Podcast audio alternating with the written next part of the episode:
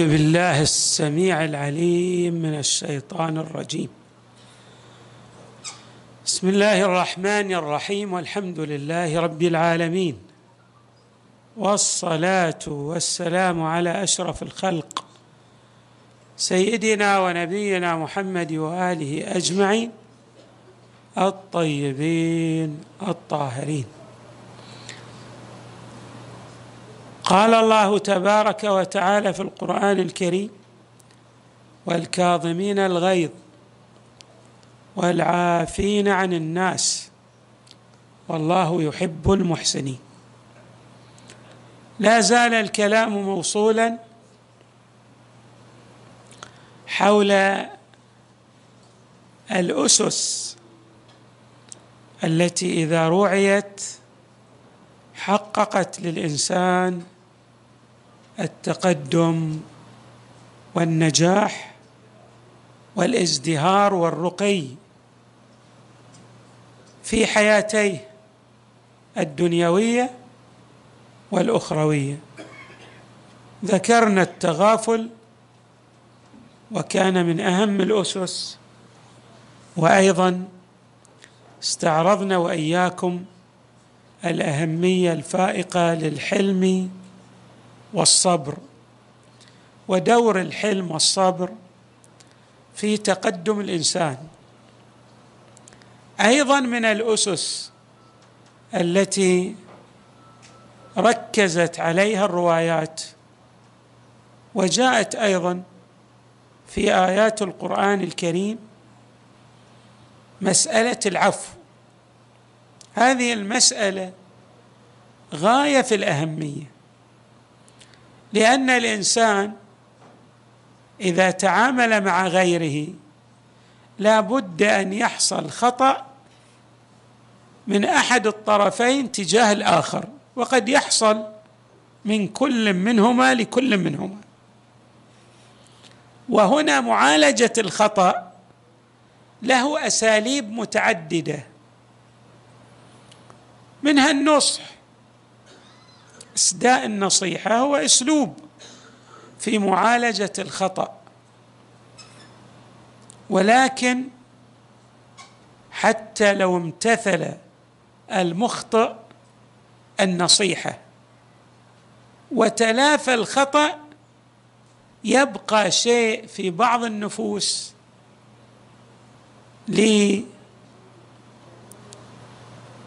للمخطئ عليهم تجاه الخاطئين.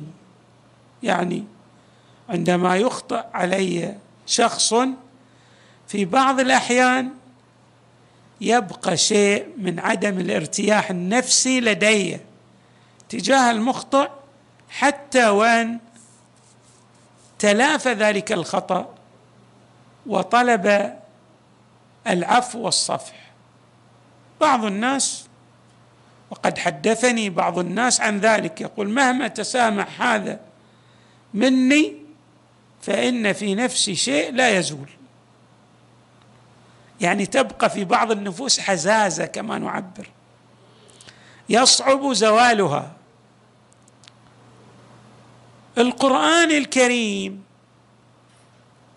استعرض هذه فضيلة العفو التي تزيل الدرن. وتمسح ما يتبقى من أثر الخطيئة على النفس. يعني الإنسان الذي أخطئ عليه أو اخطاوا في حقه يبقى شيء في نفسه. كما عبرنا حزازة يستطيع أن يزيل هذه الحزازة ذلك الدرن الذي في نفسه تجاه غيره من خلال العفو. وقد يكون المخطئ هو من أقرب الناس إليك كبعض أرحامك كزوجتك مثلا كزوجك كأحد أولادك. بالتالي ترى مثلا بعض الآباء يصعب عليه أن يمسح ما يعلق بنفسه عندما يخطا عليه هذا المقرب له وهو ولده. أو الشخص الذي تحبه وتكن له الوداد. تقول هذا أنا أوده غاية الود. فكيف أخطأ في حقي؟ العلاج الناجح الناجع والناجح. لدرء ما يعلق بالنفوس من أدران هو العفو والصفح. وقد وردت الروايات تمجد العفو وسوف نعلق على بعض الروايات لأهمية هذه الروايات في إبداء ما يحصل عليه العافي عن غيره من منزلة كريمة عند الله تبارك وتعالى من مقام سامق من فضيلة من أروع الفضائل يحصل عليها ذلك. الذي يعفو. النبي صلى الله عليه وآله يتحدث عن ذلك يقول ألا أخبركم بخير خلائق الدنيا والآخرة؟ سؤال ألا أخبركم؟ يعني هنا إجابة مقدرة نعم يا رسول الله ما هو هذا الخلق الكريم؟ قال العفو عمن ظلمك. العفو بدأ به اولا. بعدين فيما بعد والصله لمن قطعك وتصل من قطعك والإحسان إلى من أساء إليك وإعطاء من حرمك. إحنا الشاهد في الفقرة الأولى. ما هي الفقرة؟ العفو عمن ظلمك الذي يخطئ في حقك إذا عفوت عنه. هذا أفضل خلق يتصف به الإنسان في الحياة الدنيا. وأفضل فضيلة أفضل فضيلة يحصل على جزيل الثواب من خلالها في عالم الآخرة كما يأتينا في الروايات. وقد عبر إمامنا أمير المؤمنين عليه السلام عن هذه السجية سجية العفو عن الناس بقوله العفو تاج المكارم. شلون في مكارم؟ كمكارم الأخلاق. التاج الذي فوق هذه المكارم تاج يوضع فوق مثل تاج الملك. بمعنى أعظم الفضائل التي يتصف بها الإنسان هي فضيلة العفو. العفو. نعم. ماذا يحصل عليه الإنسان؟ شوفوا ماذا يحصل عليه. يقول صلى الله عليه وآله إذا أوقف العباد في يوم القيامة الله يسأل الناس وقفوهم الله يقول وقفوهم إنهم مسؤولون. إذا أوقف العباد نادى مناد ليقم من من أجره على الله؟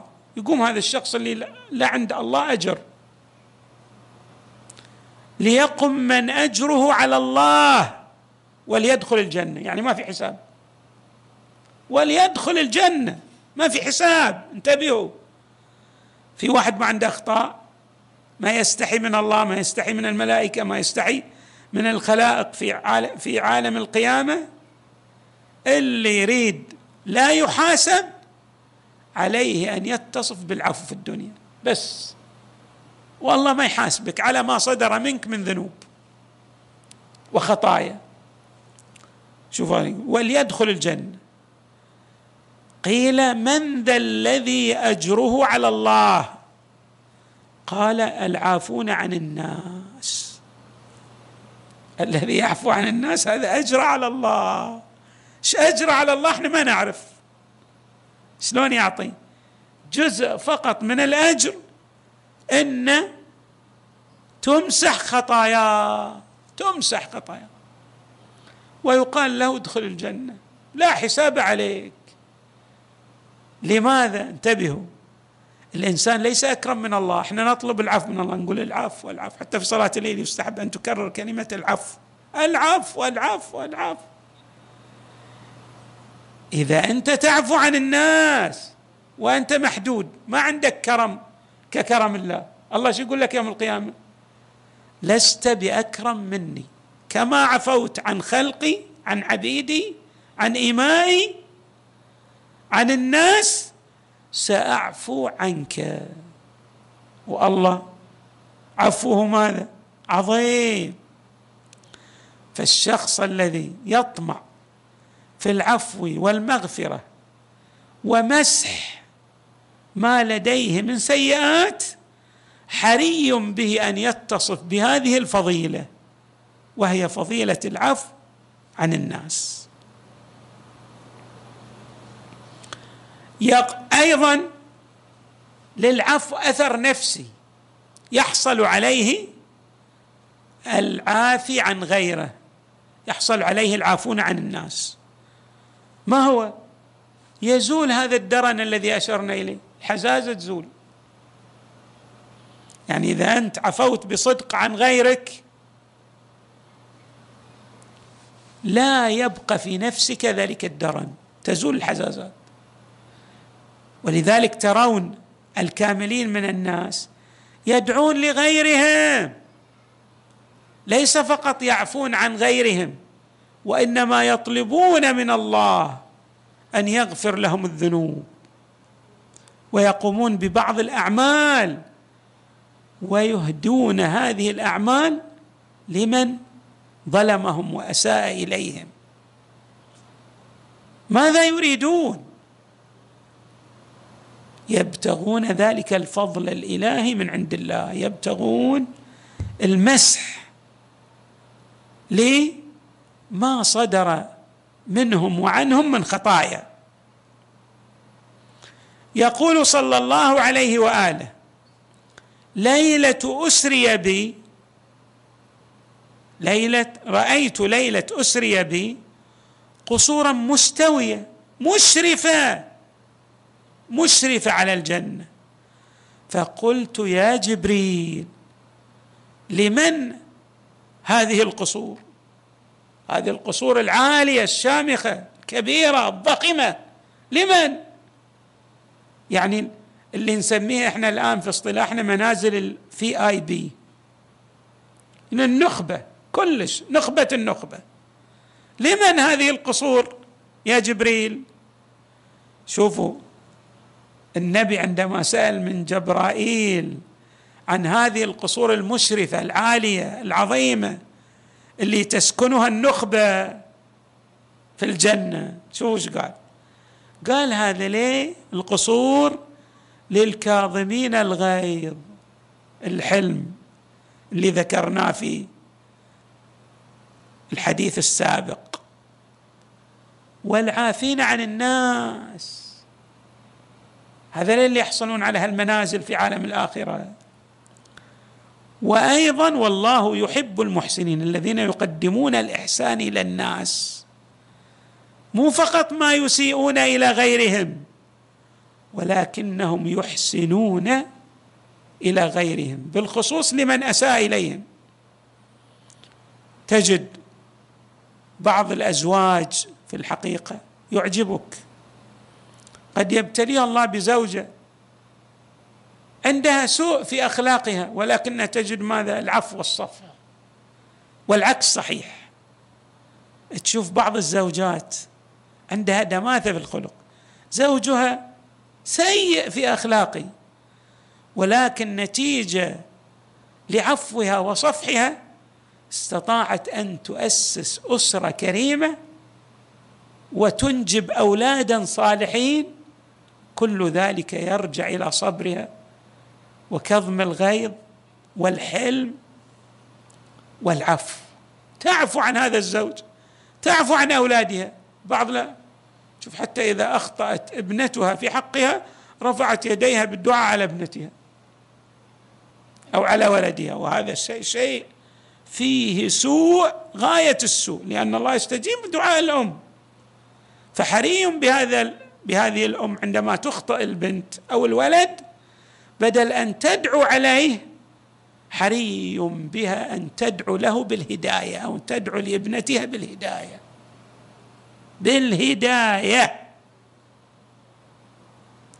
طيب شوفوا المطلب الذي أشرنا إليه في ما سلف.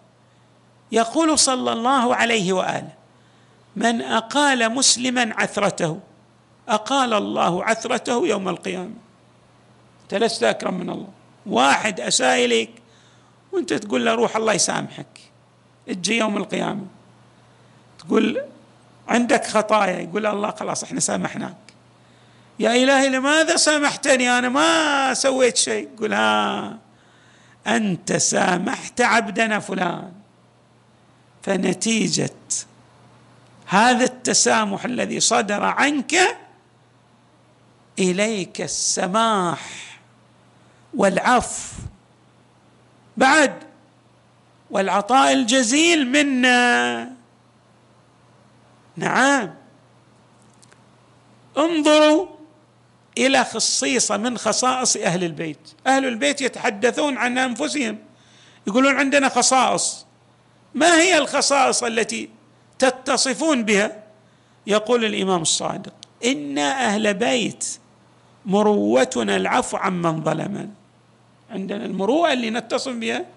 نحن إذا أساء غيرنا إلينا عفونا عنه أيضا من الآثار الجميلة للعفو ما هو؟ العز.